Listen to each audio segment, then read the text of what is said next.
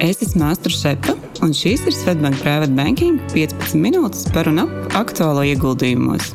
Katru piekdienu kopā ar kolēģiem un arī viesiem apspriedīsim karstākos jaunumus finanšu tirgos un labklājības veidošanas tēmās, lai aizraujoši klausīšanās.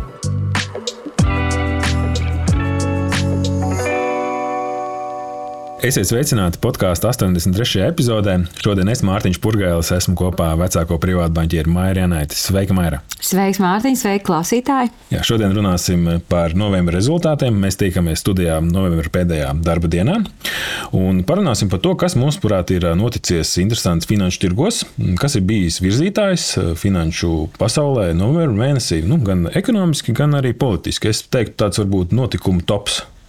Novembris ir vēsturiski veiksmīgākais mēnesis finanšu tirgos gada griezumā.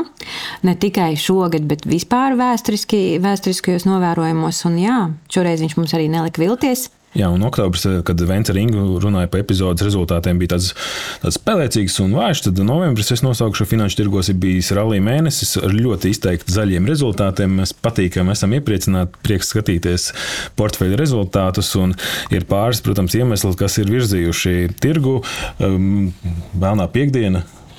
Tas ir viens droši vien tāds faktors, kas bija tāds redzamākais, bet vai tas bija tas, kas virzīja tirgus? Nu, novembrī, jā, šī iepirkšanās sezonalitāte ASV. ASV, protams, ir galvenais šis tirgus drivers. Black Friday, Cyber Monday nelika vilties tie rezultāti bija ļoti labi retail, retail uzņēmumiem.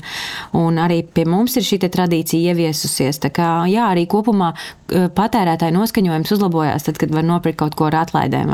Jā, nu, tas ir patīkami. Jā. Un Ziemassvētku arī nav aiz kalniem. Droši vien tas iepirkšanās bums turpināsies arī ne tikai eh, nu, decembrī, un arī līdz pašiem, pašiem svētkiem. Eh, bet nu, pamat, pamatā es jau gan teiktu, ka tas pamats nu, vai lielākā tirgus pozitīvā ziņa bija tas, ka mēs redzējām labus datus eh, attiecībā uz inflāciju. Eh, es to nosauktu sekojoši, kad inflācija beidzot ir nu, nevis apkurota, bet viņa ir kontrolējamā veidā. Eh, redzams, ka ar procentu likmēm nu, viņa krīt uz leju, un tas ir tas, ko arī centrālās bankas un finanšu tirgi sagaida.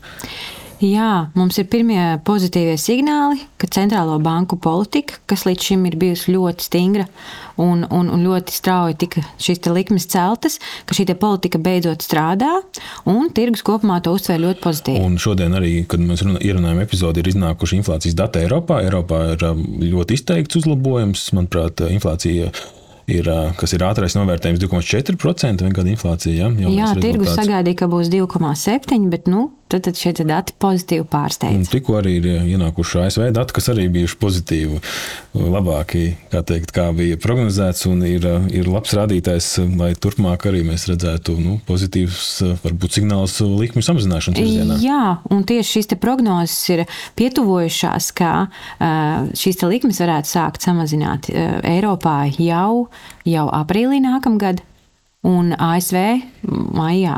Un tas ir jāatgādina, ka ir mainījies no tāda, ka reku cik ilgi tās likums būs augstas, līdz jau momentam, kad mēs redzam nākamajā gada, varbūt sākuma posmā, kad ir runas par to, ka varētu mazināt.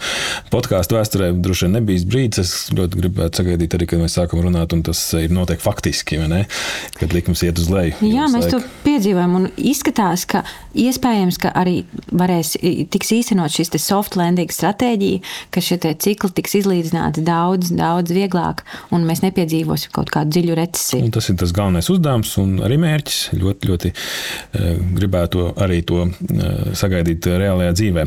Bet uh, mēs noteikti arī varam apstīties, kas noticis politiski. Politiski novembris mēnesis bijis arī ASV. Droši vien interesants to, ka Ķīnas prezidents ir vizitējis šo valsti un ir kā tikšanās ļoti svarīga tā ir bijusi, jo ņemot vērā, ka tās ir divas lielvaras nu, tāds signāls, ka uh, Ķīnas prezidents dodas uz ASV, ir, uh, ir labs. Un visticamāk, mēs esam interesēti, lai šīs valstis draudzējās.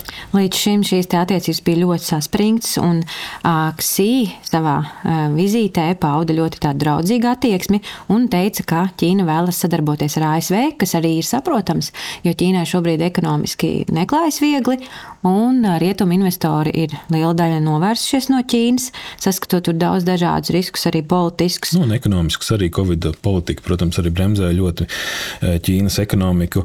Un, un, un, jā, un tas viss saspīlējums, protams, arī nenāca par labu eh, Ķīnas ASV attiecībām. Nu, tomēr jāsaka, ka draudzīga vizīte tā bija, bet nākamajā dienā prezidents Baidens varbūt tā neveikli vai speciāli, grūti pateikt, nu, Ķīnas prezidentu nosauc tomēr par diktatoru. Nu, kas notikās vismaz Ķīnas tirgu, ja ASV tā tikšanās tādu nekādus kustību izteikti neizraisīja, tad Ķīnā pirms tikšanās bija tās kāpums, nu, un pēc tikšanās bija atkal tāda korekcija. Nu, teiksim, tā, varbūt bija liels cerības, ne līdz galam piepildīja, bet manuprāt, rezultāts ir tomēr pozitīvs, kad ir sarunas un ir sadarbība, nekā ir vienkārši kaut kādi strīdi un, un nesaskaņas. Un arī šeit mums, kā ieguldītājiem, esam visticamāk ieinteresēti, lai tur būtu miers un mēs redzētu sadarbību eh, kopā starp šīm divām valstīm. Jā, bet eh, no ASV mēs saņēmām arī pavisam nesen tādu bēdīgu ziņu. Jā, tad 99 gadu vecumā ir miris Čārlis Mungars. Ļoti, ļoti sāpīgs moments ieguldījuma pasaulē. Tie, kas sekoja līdzi viņam un, un viņa ieteikumiem. Viņš bija Warren Buffett, tātad labā roka, vai, un arī dzīv, dzīvē draugs un partneris. Jā, un Berkshire Hathaway līdzīpašnieks. Mēs droši vien daudz gadu garumā esam sekojuši līdzi. Viena no tādām niansēm, kur nu, kas bija tāda tradīcija, un daudz investoru sekoja līdzi. Tad katru gadu māja mēnesī Omahā bija šī sapulce, kur šie divi kungi nu, gados un ar savu lielo pieredzi stāstīja par to, ko viņi redz finanšu tirgos, par viņu veiktajām darbībām, par to, kā viņi pārvalda viņu uzņēmumu, kurām ir investējuši daudzi, daudzi, daudzi cilvēki, un arī noteikti no Latvijas.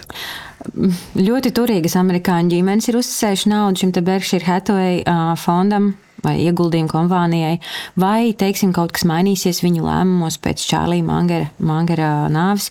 To mēs redzēsim, cik liela ir ietekme šai personībai.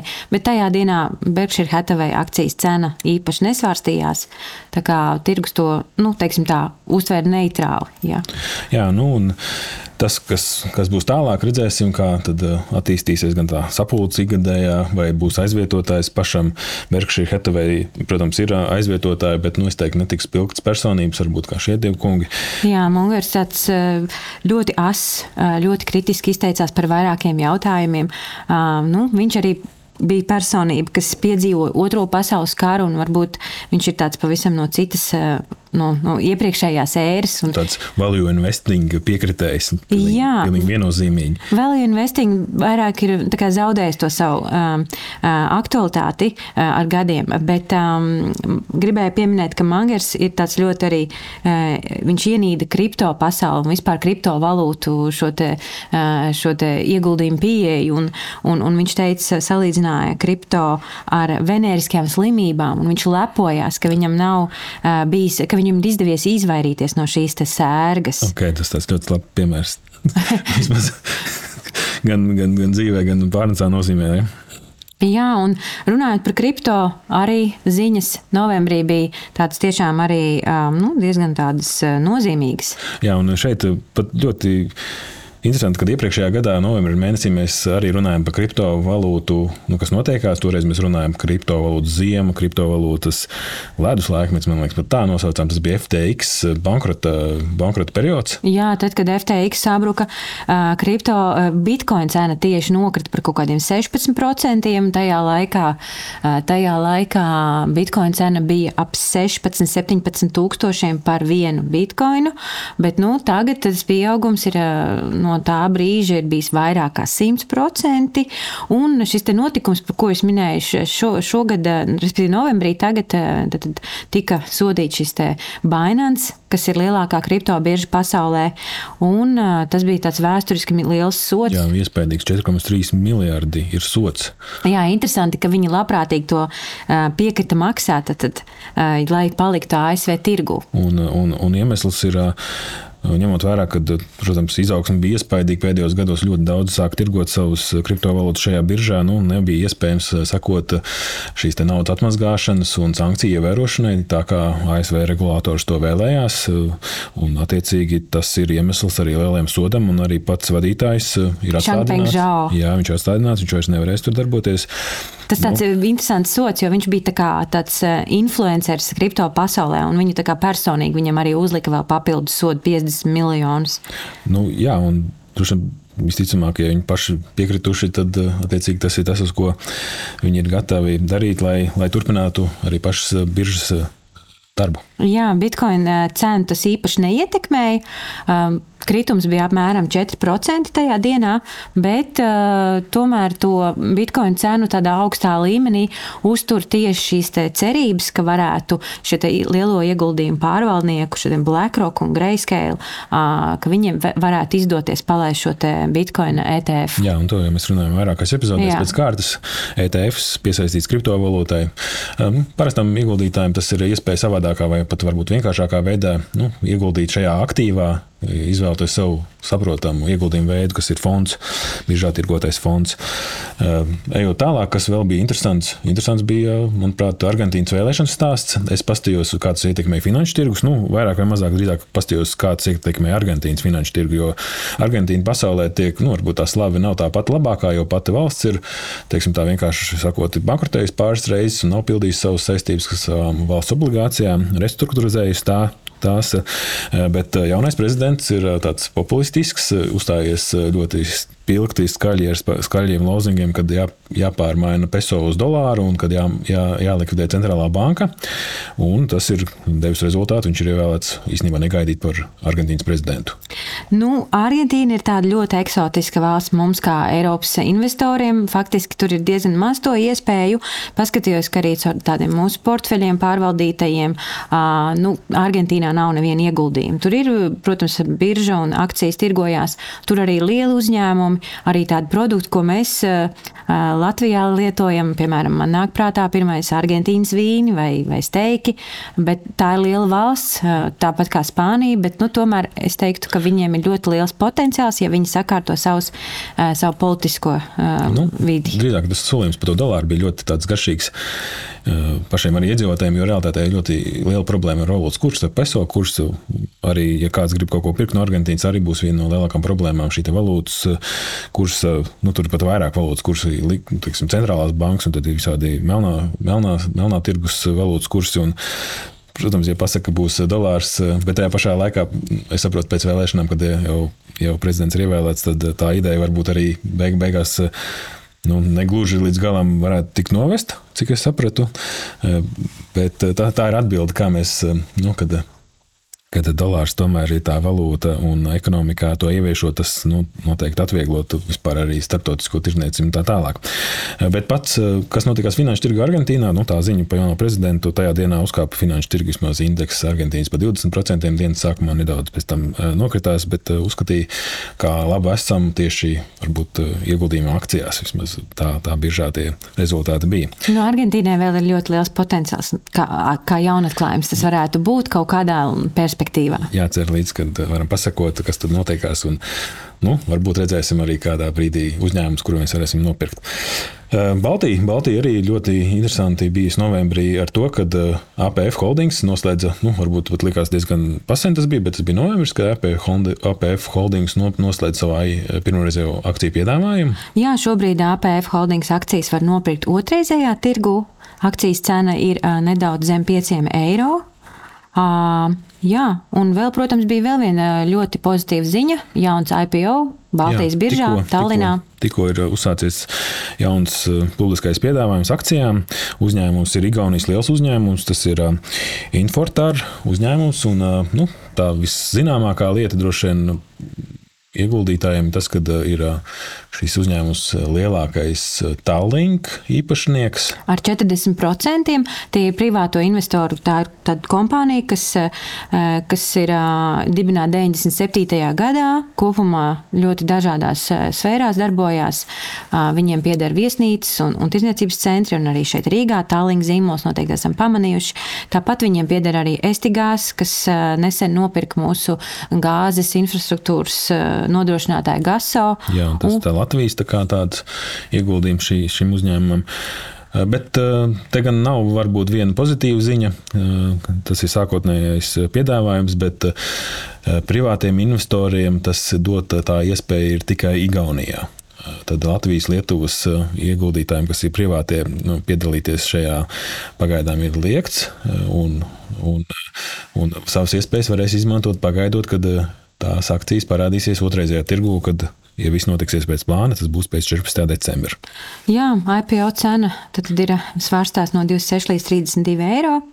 Un, um, nu, redzēsim, gribēs jā. no 31,2 miljoniem līdz 63,4 miljoniem eiro šajā šajā, šajā piedāvājumā. Jā, Infortāra arī ir solījis maksāt dividendus. Tas varētu būt tāda pozitīva, pozitīva ziņa. Bet, jā. Eh, tā kopumā tirgu ir laba ziņa, vismaz Baltijas tirgumā, kad ienāk vēl viens tiešām nozīmīgs spēlētājs, nozīmīgs spēlētājs eh, Igaunijā. Tad eh, jācer, ka aktivitāte arī vēl būs lielāka mūsu Baltijas biržā. Un skatīsimies, kā viņiem veiksies nākotnē. Noteikti papētām, paskatāmies, kas tur ir. Vai otrreizējā tirgu ir interesanta akcija, tas jāizvēlas katram pašam. Bet kā tad skaidrs? Skaitliski beidzies. Novembris, ne vēl nav beidzies, bet nu, mēneša griezumā redzam rezultātus ļoti labus. Jā, SP 500 indeksa vērtība kopš gada sākuma ir pieaugusi par aptuveni 18%. Novembrī, tikai novembrī, virs 8%. Stoks 600, kas ir 600 lielākie Eiropas uzņēmumi, no gada sākuma ir parādījis rezultātu 7,5% un šomēnes 6,4%, kas ir ļoti pozitīvs, pozitīv, pozitīvs trends. Nu, ko, ko mēs varam teikt? Noteikti jānovēl, lai arī decembrī rezultāti turpinās, lai mēs uh, turpinām šo pozitīvo, lai arī to pašu zinu, iepriekš, iepirkšanās prieku, lai visiem būtu balti un priecīgi Ziemassvētki, un finanšu tirgos mums, lai tie būtu ļoti izteikti zaļi. Teikšu tev, Maira, paldies, un tiekamies nākamajās epizodēs. Audio saturā dzirdētā informācija nav uzskatāms par ieguldījumu konsultāciju vai ieteikumu slēgt finanšu tirgus darījumus vai ieguldīt finanšu instrumentos. Paldies, ka klausījāties! Lai izdevusies diena un uz tikšanos nākamajā sarunā!